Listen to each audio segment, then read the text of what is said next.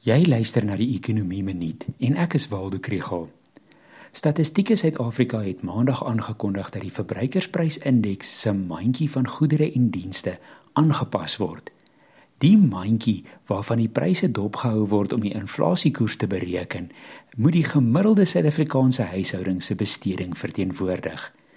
Dit verander natuurlik oor tyd, soos wat smake en produkte verander, en dan moet die mandjie ook aangepas word. Dit gebeur so elke 5 jaar. Byvoorbeeld, is CD's en DVD's uit, maar die koste van musiekstroomdienste soos Spotify word nou ingesluit. Gemengde vrugtesap, konfyt en aanmaak cappuccino sakkies word nou ingesluit. Die gewigte van verskillende bestedingskategorieë is ook aangepas.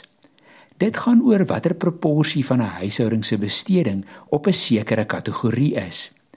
Voedsel en nie-alkoholiese drankies se gewig is 'n fraksie laer en vervoer is weer 'n bietjie meer.